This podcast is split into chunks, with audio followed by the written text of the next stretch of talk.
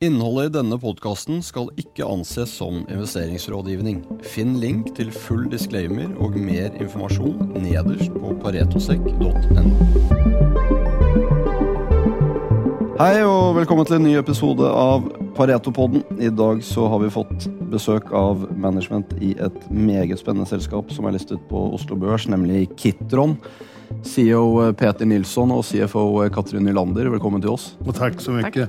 Fantastiskt att få vara här. Veldig hyggelig at dere tar dere tid til å komme hit eh, til oss. Dere har jo fått uh, litt grann oppmerksomhet i det siste. Blant annet så var det jo en artikkel her forleden med tiårets eh, beste aksje. Eh, og Der var jo Kitron, eh, Kitron på plass. og Det jeg har lyst til å snakke litt om, er jo nettopp denne reisen som dere har vært igjennom. For Katrin, du kom jo inn i 2013, og så kom du inn i, i 2014, Peter. Ja, Eh, før vi går litt inn på tallene, så har jeg lyst til å starte med hva det egentlig er Kitron gjør, og hva er det som driver etterspørselen etter EMS eller elektronikproduktion, för det är det på måte som driver, och det är det Ja, men vi är, vi är ex, experter på att tillverka elektronik. Eh, framförallt lite svår elektronik. Eh, eh mycket business to business eh, eh är våra kunder. Eller, eller där man har stor public spend. Eh, vi levererar inte mycket konsumentelektronik, väldigt lite på den delen. Och elektronik, ja, det finns ju nästan i alla produkter vi har i hemmet idag, eller vi har i fickan i våra mobiler, vid våra tv-apparater. Våra bilar är fulla av elektronik. Eh, eh, jag tror den, den äldre generationen bil innehöll 5% elektronik. De nya generationerna 25, 30, 40 procent av värdet i bilen är elektronik. Så det visar lite grann utvecklingen och, och var behoven kommer ifrån. Eh, nu drivs ju marknaden väldigt mycket av eh, elektrifieringen till exempel. Ja. Där eh, behovet av energi i världen ökar kraftigt varje år. Samtidigt så pågår en, en sustainable omställning. Vi ska vara mer gröna, vi ska ha mer grön energi.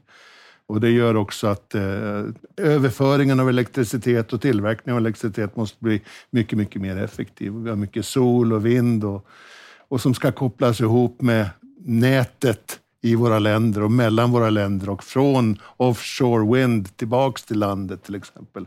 Så det är där vi hittar de typer av produkter som, som väldigt mycket driver växt på elektrifiering hos oss just nu. I forhold til akkurat det, da, for dere leverer jo til en del uh, forskjellige subsegmenter, og hvis man går inn og leser Kitron sine eh, kvartalsrapporter eller ser på presentasjonene eh, dere har, så ser man jo hvor dere holder på. Det er industri, og det er elektrifisering, og det er medical, og det er defense.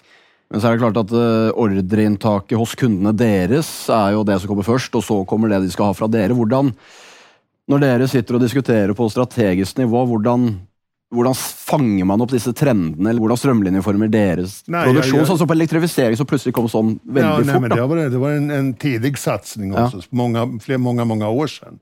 Så, så, så det började med att vi läser mycket, vi är med och tittar på vad som händer. Vi försöker, en gång per år så har vi strategimöte där vi tittar på att strategiskt, vad kommer att hända? Vad är nästa stora kliv? Vad är nästa stora generation? Hur utvecklas, vad, hur påverkar det elektroniken? Vad, vad är det som kan komma? Och i det så såg vi vad som framförallt hände- hände i ett föregångsland som Norge till exempel med en hög del eh, elektriska bilar. Mm. Och alla de tillbehör med EV charging och sånt där som kommer. Det, det, det inspirerade oss och, och vi såg att men det här kommer att komma i Sverige, i Norden, i resten av hela Europa. Så ett antal år sedan så gjorde vi om vår, vår segmentering, äh, gjorde om våra sektorer på bedriften. Och tidigare hade vi till exempel eh, offshore marine som en stor sektor och det var en väldigt stor sektor för tio år sedan. Och sen så var det inte så mycket kvar i 2015, 2016, så vi, där- vi rullade in det under vår industrisektor. Men då satte vi också elektrifiering som en ny. Och den andra, Ja. den andra nya var just connectivity, Ja. som handlar om att koppla ihop saker och ting. Som handlar om att ha sensorer överallt ute. I fabriker, på sjukhus, i lokaler, överallt där man behöver ha en sensor som känner någonting, så måste den ju också vara kopplad med det som kallas Internet of Things, eller IoT. Eh, och skicka data som sen läses av någon annanstans. Och som man använder för att styra processer eller larma. Hålla, hålla, effektivisera det man gör helt enkelt. Och de två sektorerna har vuxit helt eh, makalöst, helt makalöst starkt de sista, de sista tre åren. Det började med att connectivity växte väldigt, väldigt starkt. I år ser vi, ser vi egentligen hur elektrifieringen tar över. Inom industrisektorn så har, så, så har vi också haft väldigt stark växt. Då har det varit automatisering av olika processer. Automatisering av produktdesign, där man tar, tar fram verktyg eh, där man kan simulera funktionalitet på sina produkter. Så det är en automatiseringsprocess. Hela, under covid så drevs automatiseringen av det man kallar för warehouse automation. Ja. ja men alla skulle handla hemma på nätet och, och Amazon växte och de byggde nya, nya, nya såna här um, replenishment centers överallt. Och nu ser vi ju automatisering till exempel inom, inom eh, jordbrukssektorn, agriculture, eh, djurhållning, eh, automatiskt, eh, jag tänkte säga biltvättar nästan, men, men automatisk tvätt för, för boskap och kor till exempel och, och, och utfodring av dem. Så att ta hand, om, ta hand om jordbruk mycket, mycket mer effektivt och kunna ha det i större skala med mindre antal människor. Ja, och det är akkurat det som du sa där med Altså I forhold til Consumer Electronics, som sikkert en del av lytterne er kjent med, ikke sant, Nod og alt dette har jo vokst voldsomt, og det, det, kommer jo en del tilbake nå, men det er på en måte ikke det dere driver med. det hele tatt? Her er det B2B, som du sier, ja. og det er helt andre prosesser. Ja, ja.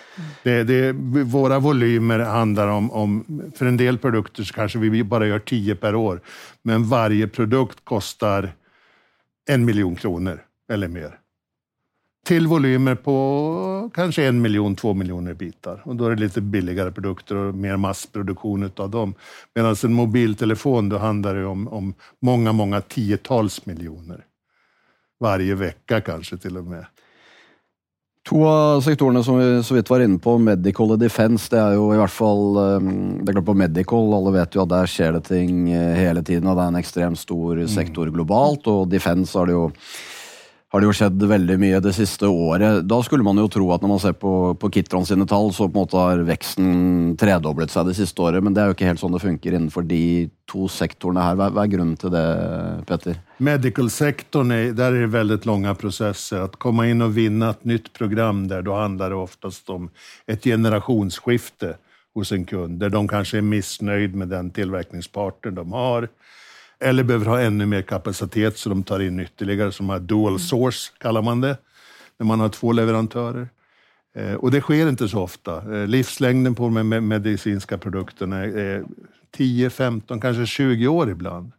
Eh, och det gör att, tittar vi på de, de, produkter vi tillverkar idag, så har de just den livslängden. Några, några tog vi in för fem år sedan, andra tog vi in för kanske 10 och 15 år sedan. Och man gör bara mindre kosmetiska ändringar på dem. Därför att det är väldigt långa kvalificeringsprocesser för att få de här godkända eh, utav myndigheter. Myndigheter i Europa eller av FDA för att sälja dem i USA till exempel. Och då gör man bara smärre, kanske kosmetiska uppdateringar på de här. Ta bort någon komponent som inte finns att köpa längre i produkten.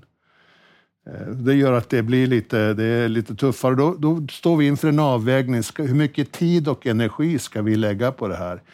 För att det här programmet kanske ger oss 100 eller 200 miljoner per år. Mm. Mot hur mycket tid ska vi lägga på ett annat industriprogram? Där det kan, vi kan kanske få fem eller sex sådana på 100 till 200 miljoner per år. Med samma insats på säljsidan om vi säger så. Ja. Och, och, marginalerna är stort sett de samma. Det är inte, inte så stor skillnad. Det är, det är mer lite volym som, som kanske det är lite lägre marginaler på eh, och lite högre marginaler på lågvolymprodukterna. Så det gör också att vi har inte fokuserat väldigt starkt på just medical.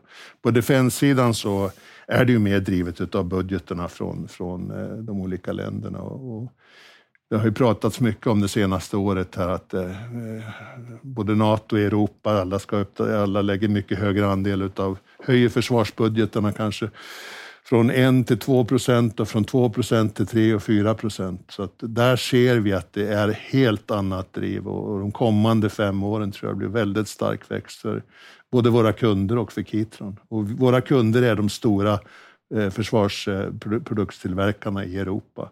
Kongsberg i Norge till exempel, Saab i Sverige och Rheinmetall i Tyskland med, med, med flera.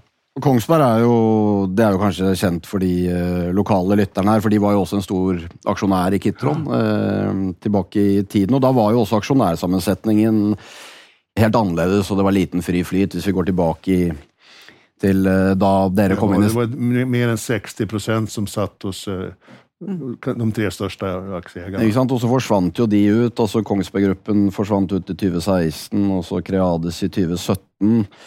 Og Hvis du bare ser på tallene, da, Katrin, så ble jeg enig med, med Olav at vi tar de, vi tar de nok eh, historisk. Eh, så ikke det blir helt kludrete med, med FX-en. Men, for nå rapporterer dere jo euro, men det er jo nesten samme tall. Altså I 2015 så hadde dere en topplinje på 2 milliarder NOK og en EBIT på 103 millioner kroner. Og i 2023 så estimerer Pareto topplinjen til 770 millioner euro. Og en EBIT på 66 millioner euro. Det Det jo eh, ganske hyggelig som CFO å sitte og se på den veksten. Og, og mye av det har jo vært organisk. Dere gjorde jo et oppkjøp i USA, API, i 2018, og så gjorde dere jo et større oppkjøp av, av BB Electronics i 2021. Mm. Fortell litt om strategien bak det, og hva tankegangen Var det noe dere hadde sett på länge? Var det en mulighet som dukket opp? Nej, men det är väl lite av varje kan Ja. vi säga. Vi, hade ju, vi tittar ju hela tiden. Eh, Vi har ju det, vi har haft en ma strategi ganska länge. Eh, Och det är ju mycket som, som kommer till sals med ganska positiva prognoser, för att säga det milt. Och inte allt med lika stor substans. Men eh, eh, när vi kom på bordet så såg vi ett företag som kunde växa, som kanske var lite förhindrat att växa i den ägarsituation det var. Eh, Och vi likte management i förhållande till hur de drev och hur de tänkte. Och vi kände oss gott igen i, i den eh, och fick god kontakt ganska omedelbart och fick tillit. Då. Och under processen så är det viktigt att eh, om de levererar en forecast, att de faktiskt levererar på den. För det är ju en av de tingene som vi i Kitron värdesätter extremt mycket. Det är accountability. Säger du en siffra så ska du nå den. Det ska, liksom, det ska inte bara vara tal i, i himlen. Och det här levererar de på forecast i löpet av hela den här per- perioden vi såg på dem som var kanske över eh, sju, åtta månader, någonting sånt. Det hela tiden följde sina egna planer och det ger ju. Eller överträffade. Eller överträffade. Så, så det var. Men som generellt då, så, så, så dök det upp. Då. Vi hade sett på det lite grann tidigare. Eh, lite grann. Och sen då, men eh, då blev vi kanske lite mer intresserade. Och så genomförde vi det. Så strategin, det var, vi önskar ju växt rätt Ja. och slätt eh, i utgångspunkten. Men riktig växt då. Och det är ju någonting jag kanske kan kommentera också tillbaka till de här eh, sektorerna som vi arbetar inom. Vi försöker ha en, en balans där vi växer, inte helt likt, men där vi kan ha lite motcyklisk utveckling. Så det betyder att defense och medical är kanske lite motcykliska mot elektrifiering. Ja. Och när vi jobbar strategiskt nu så är det att finna kanske ytterligare en, en, en sektor som har en annan växt än elektrifiering, som kanske kommer på ett annat skede till exempel, för att sikra att vi har den här växten hela, hela tiden. Då. Både jag och Peter är ju såna svenska industrialister i hodet. Då. Vi vill bygga sten för sten och vi vill jobba framåt vidare och vi vill ha på en, måte en ett solid produkt då, som företaget är hela tiden. Det ska inte vara för snabba ryck utan det ska vara någonting som är, vi kan leva med länge och fortsätta leva länge när vi håller på.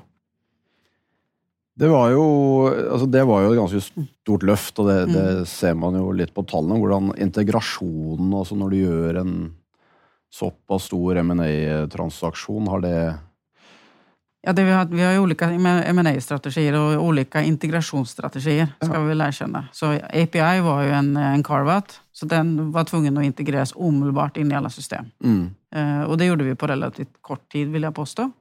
När det var BB så hade de en annan struktur och där har vi tagit en, på måte, en annan typ av approach. Det tar vi sån gradvis integrering där det på måte är mest lönsamt. Så det är därför det inte ligger några stora, vad ska vi kalla det för, stora avsättningar på nedskrivningar på saker och ting, utan vi försöker göra det bara helt när det är riktigt. Jag tror också under, under 2022, så, Mm. precis som alltid, så har vi ett extremt resultatfokus. Mm. Eh, Vi, vi, vi tror starkt på commitment. Har vi sagt någonting Mm. så är det det vi vill leverera eller Mm. överträffa. Mm. Och, och förra året så, så, så började det lossna med, med, med eh, de här supply-kedjorna som har Mm. varit ansträngda. Det börjar bli lite bättre. Så fokus blev från hela organisationen, både, både BB-sidan och, gamla Kitron-sidan, att leverera ut allting. Och så Mm. har det fortsatt in i år. Nu kommer vi integrera oss lite djupare framöver med, Mm. med BB. Men det första som egentligen gör det, det är att stoppa in de processer som vi använder. Veckoprocesser, månadsprocesser, forecastprocesser. Mm. Så att vi har helt likt när vi tittar på, på varje, varje del i bolaget. Mm. Varje del i bolaget är ju en egen resultatenhet, egen PNL. Mm. Varje managing director har en egen PNL och resultatansvar där. Eh, och det är viktigt att veta liksom vad, vad, vad, vad, ens, vad, vilka mål man har, hur man ligger till i förhållande till målen. Mm. Du, du, nevnte så vidt uh, supply chain-problemer. altså det, det, er jo no, et av de mest uh, brukte ordene de siste, de siste, tre årene. Men hva, hva er dynamikken der nå? For det er jo, Folk har jo bygget varelager. og, ikke sant? Og så, uh, bare for å sikre seg. Hvor, hva er tankene, og hva ser dere akkurat på den biten der nå for dere selv? da? I dag? Mm. Ja, i, i, dag så är det mycket bättre. I dag så dels har vi, ju, har vi kommit över en, en, en en del av de, de eh, uppdämda behov, kundbehoven som har funnits. Det finns inte riktigt eh, helt klart än. Alltså vi, jag sa, vi, vi, vid årsskiftet så hade vi runt eh, 60 miljoner euro i olevererade kundorder som kunden ville ha förra året. Mm. Efter Q1 så hade vi ungefär 50 miljoner kvar. Och det har sjunkit ytterligare lite grann. Mm. Men det tar tid att komma, komma ikapp med de här. Det finns många kunder som än idag som vill ha mer produkter, mm. men, men inte, inte får tag i dem. Och, och det, det kommer ju av att, att eh, börja med pandemin. Börja med pandemin där allting skulle, alla skulle jobba hemma och man köpte prylar och man köpte kontor och man byggde upp eh, verksamheter hemma. Och, eh, och sen då när det kommer tillbaks till arbetet, då slutar folk konsumera. Mm. Då köper man kanske inte nya mobiltelefoner eller nya datorer, för det köpte man till alla ansatta två år tidigare. Och då, då, då, faller hela den marknaden. Man ska komma ihåg att, att datorer och mobiltelefoner kanske står för mer än 95 procent av komponent, elektronikkomponentbehoven. Så när de går ner 20, 30, 40 procent, då frigörs det enorm kapacitet i industrin. Men då måste man sedan ställa om den kapaciteten att tillverka de produkter som industrin behöver ha och inte, inte bara datorer och telefoner. Så att det, det tog, tog ju tid att, att göra det och det är man på väg att göra nu. Samtidigt så pågår en enorm uppbyggnad utav ny produktionskapacitet i Nordamerika, ja.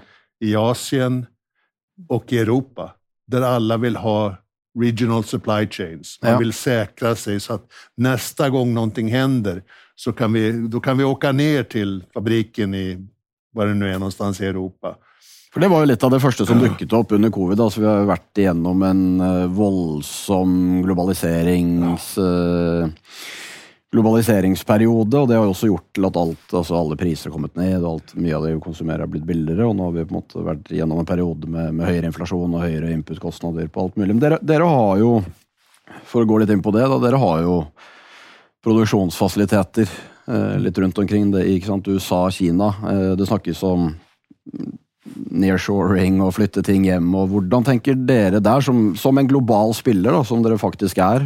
Vi har ju fantastiskt fina fabriker i Kina. Vi har, mm. vi har i Suzhou utanför Shanghai och i Ningbo som ligger två och en halv timme söder om Shanghai. Otroligt duktiga människor. Några av de bästa människorna vi har inom Kitron. Extremt kompetent. Eh, och, och, det, och det tror jag det tror jag alla, alla känner igen när de pratar om produktionen i Kina är fantastiskt duktiga med vilken god tillgång det finns på kompetens.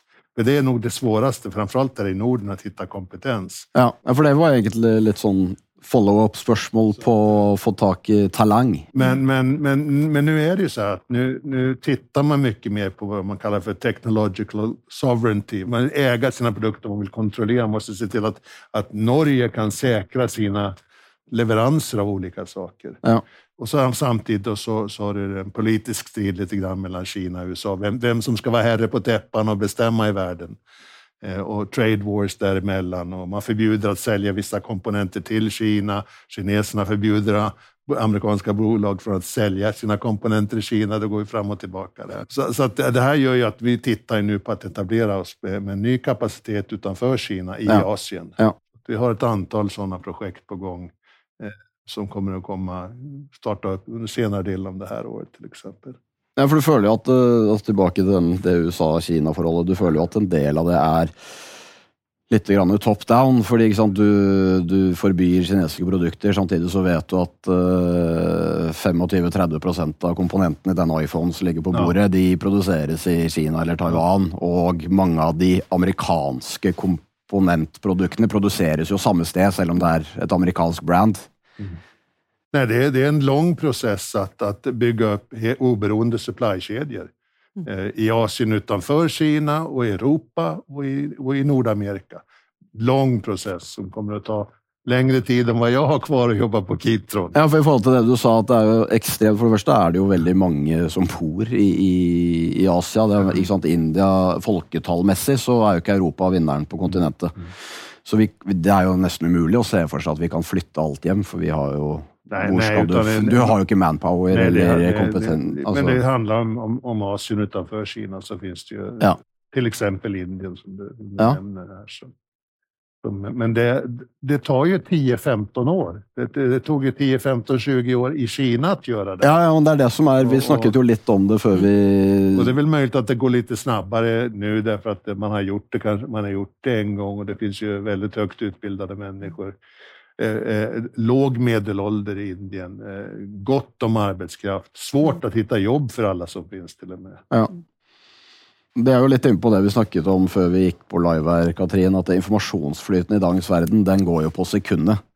Men, men det är ju inte sånn ja, Det är, det är inte att världen går lika fort. Nej, Ting allting händer tid. informationsmässigt mycket raskare än det resten av världen hänger med på. Det här är ju också, vi pratar om den geopolitiska diskussionen där, att det kanske kundernas risk och medvetenhet är långt större än vad som egentligen händer då, och kanske vill agera på det i dagens läge än de kanske som du säger, supply chain fortfarande är igen i Kina. Då. Eh, så vi får ju pröva att säkerställa att vi kan tillgodose våra kunders behov i, inne i Kina och utanför Kina, om det är det de önskar. Och det är hela målsättningen för oss när det gäller expansion. Men det, vi behöver expandera också i Europa. Vi mm. växer så pass att här eh, är det ju på något växt på många områden som ska ske samtidigt, så vi, vi har lite att göra om dagen. Vi ska också komma ihåg att det finns en stark marknad i Kina. Mm. Våra kunder i Kina är ju mm. våra, våra västeuropeiska kunder ja. mm. som då har verksamhet. De bygger sina mm. produkter. Mm. ABB bygger mycket av sina produkter som de säljer i Kina, i mm. Kina och vi levererar från vår fabrik i Kina till ABB till exempel. Ja och till andra. Till andra. Ja. Så runt 60 procent av det vi, det vi eh, gör på fabriken i Ningbo levereras då internt inom regionen och inte på export tillbaks till Europa. Ja. Vi kommer alltid vara i Kina tror jag faktiskt. Ja. Men jag tror att vi kommer också vara utanför Kina i ja. större grad än vad vi är idag. Eh, och växa tillsammans med de kunderna som vill växa utanför. Ja. Rätt och slätt. Och sen så måste vi då som du säger också växa i Europa. Eh, på tal om växten så fyller vi snart upp de arealerna vi har. Så där har vi också jo, lite jo, att se på. Uh, rätt och slätt. Och det är ju det som är fint med växt. Då. Det är som är 10 procent eh, organisk, är det inte det? Till trots för komponentmangel och... Ja. Hvor, man ser på Kitron idag, uh, var dere kommer från, som vi har varit igenom, hvor, sant, så går vi fem-ti år fram i tid. Det är ju väldigt vanskligt att se för sig att de drivarna som driver Kitron eller etterspørselen etter Kitron sine produkter skal, skal stoppe opp eh, rett rundt svingen? da? Det tror ju inte heller vi. Nej. Eh, elektrifiering och andra typer av eh, elektronik kommer ju att växa vidare och sen är det att finna då de segmenten som växer eh, för oss också och finna de kunderna som växer, som växer fortare än marknaden för övrigt. Det är ju det som är jobben mm. egentligen och så balansera då de kunderna vi har så att vi ser till att vi kan eh, motverka kortsiktiga vad ska vi kalla för, konjunkturändringar. Det är ju det som är hela tiden jobben vår också, se på riskbilder eh, totalt sett. Och det har gått bra så långt. Och vi ser, sen är det också här, hur fort ska det växa? Ja. Eh, och det vi ser måten vi jobbar på så är 10 procent någonting vi har klart att göra och klarar att realisera. Och sen har det varit några små justeringar på det, men ackumulerat eller kagre så, så stämmer det väldigt gott. Mm. Och vi tror att det är en riktig så säga, målsättning att ha framåt också. Vi startade våran, vi byggde en Greenfield-fabrik i Polen som vi öppnade 2019. Mm. Precis innan, innan covid kom. Mm. Och då la vi en basbeläggning, en base load i den fabriken som var transfers från andra mm. fabriker som hade lite överskott. Så att vi fick igång fabriken och de kunde ha lönsamhet och, och fortsätta bygga. Eh, sen hände det väl kanske inte så mycket under, under 2020, men sen under 21 och 22 så började det. Under hösten förra året så, så exploderade det verkligen. Så att eh, så fjärde kvartalet, då, då levererade vi väl lika mycket som hela tidigare delen av året. Ja. Och sen fördubblade vi det i Q1. Dubblade Q1 mot Q4. Och nu ska vi dubbla Q2 mot Q1 i den fabriken. Och nu sen börjar det bli lite stopp. då finns det inte kan plats. Kan hela tiden. Ja, men alltså, då, då, då går vi från en fabrik som, som så jag vet inte riktigt vad omsättningen var, om vi ska säga backa till, till 22. Eh, men eh, vi ligger ju över miljarden på fabriken idag. Mm. Och tidigare sa vi det att ja, men vårt mål det är att ingen fabrik ska ligga mer än en miljard. Ja. Så är det inte längre. Utan fabriken i Litauen är en och en halv miljard. Mm. Eller 150 miljoner euro, så det är mer än en och en halv miljard. Sverige likaså. Fabriken i Arendal växer ju fantastiskt. Ja.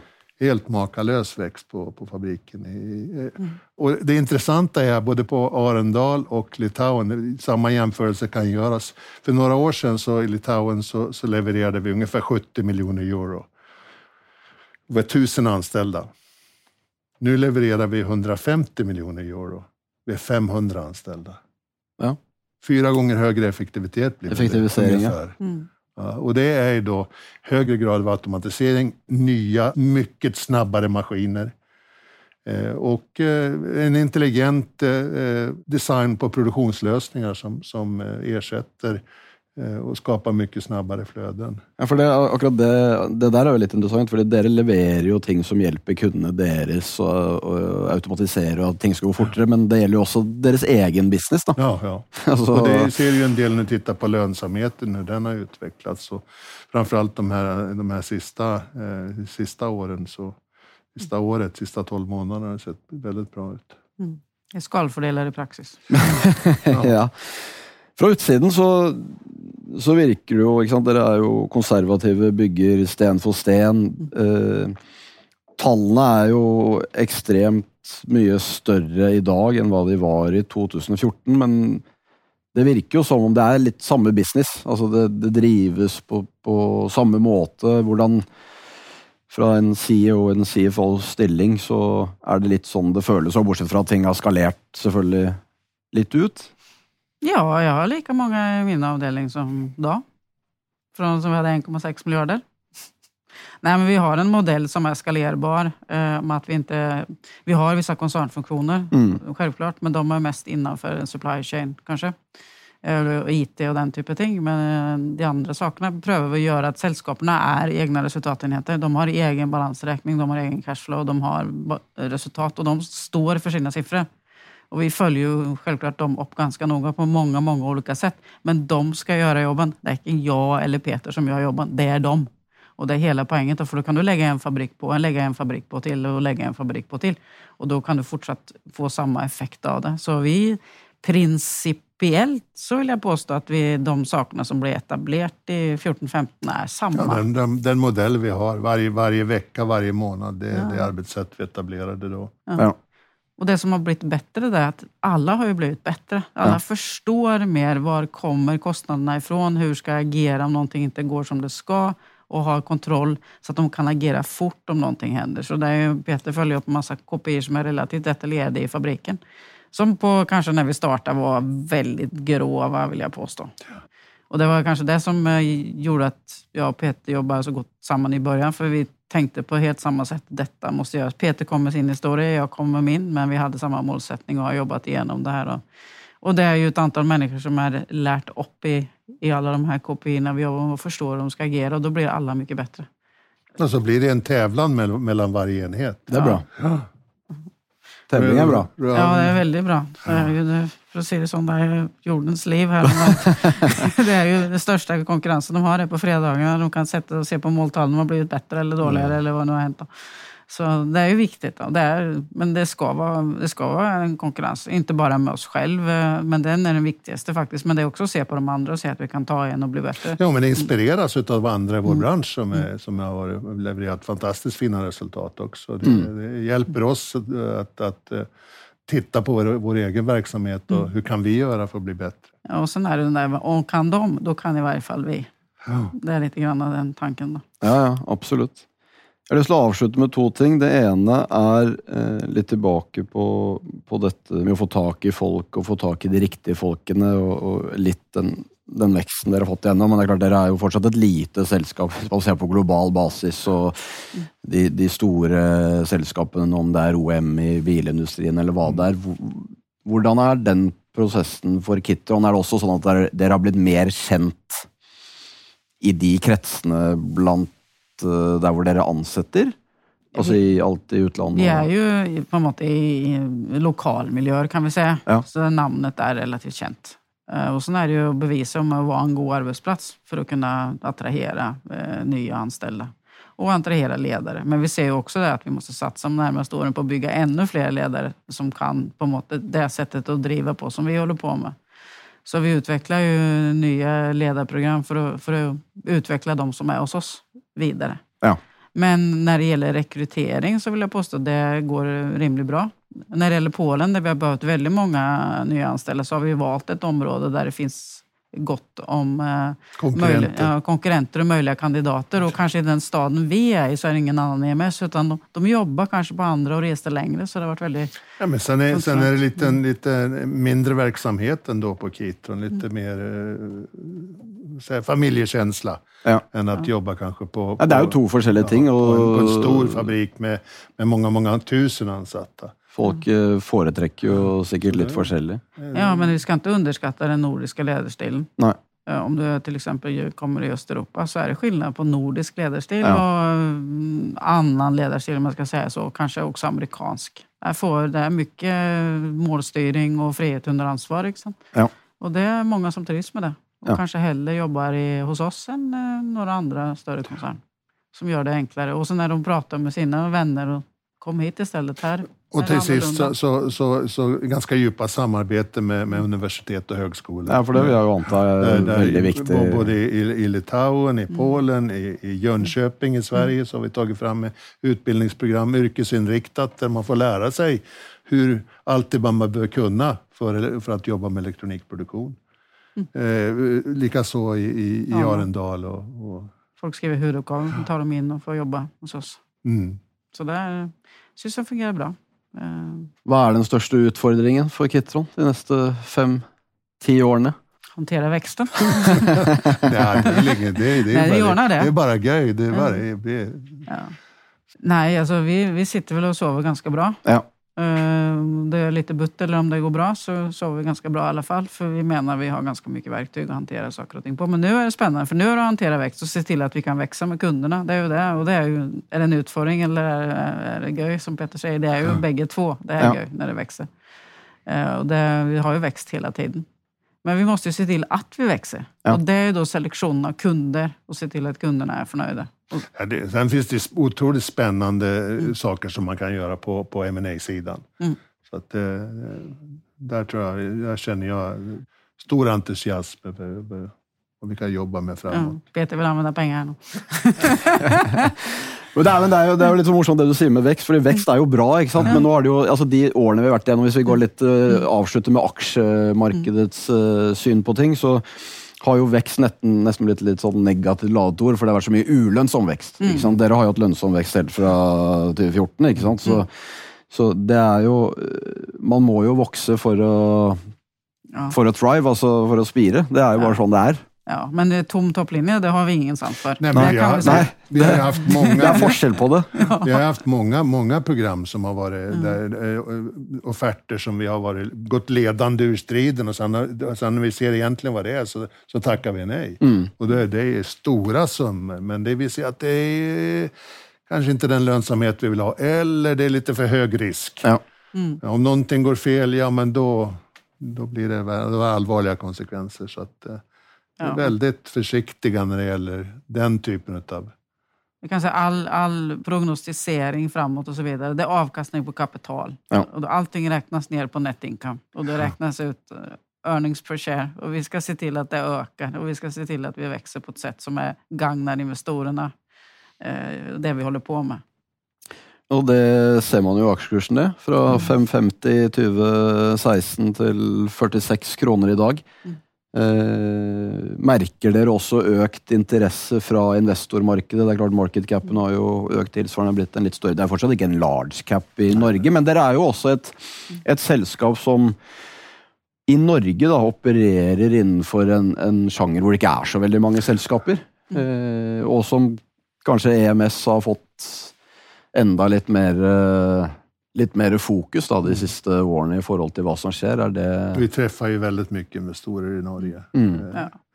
Men, nu, men även nu, nu ser vi ett, ett, ett mer ett, ett sug internationellt ifrån att vi kan inte komma hit, kan inte komma och besöka oss och berätta om er. Ja, det ringer alla möjliga amerikanska fonder som inte är speciellt stora men som är intresserade. Ja.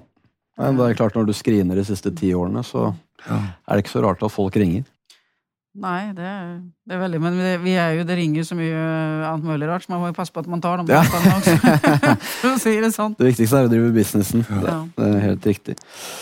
Jag tror eh, vi lar det vara med det. Peter och Katrin, tusen hjärtligt tack för att ni tog er tid till att komma hit till oss idag och, och snacka med mig och sånt att våra kan få ända bättre kännskap till vad Kitron är. Eh, vill du lära ända mer om Kitron så är det bara att gå in på Kitrons hemsidor och Investor Relations-sidor. Där finner du allt av kvartalsrapporter, årsrapporter och presentationer och det som mer är. Och Pareto täcker självklart också aktien och du finner allt av analyser om Kitron på online.paretosec.com. Då tackar vi för oss och så går vi ut i solskenet Tack så du ha. Tackar, tackar.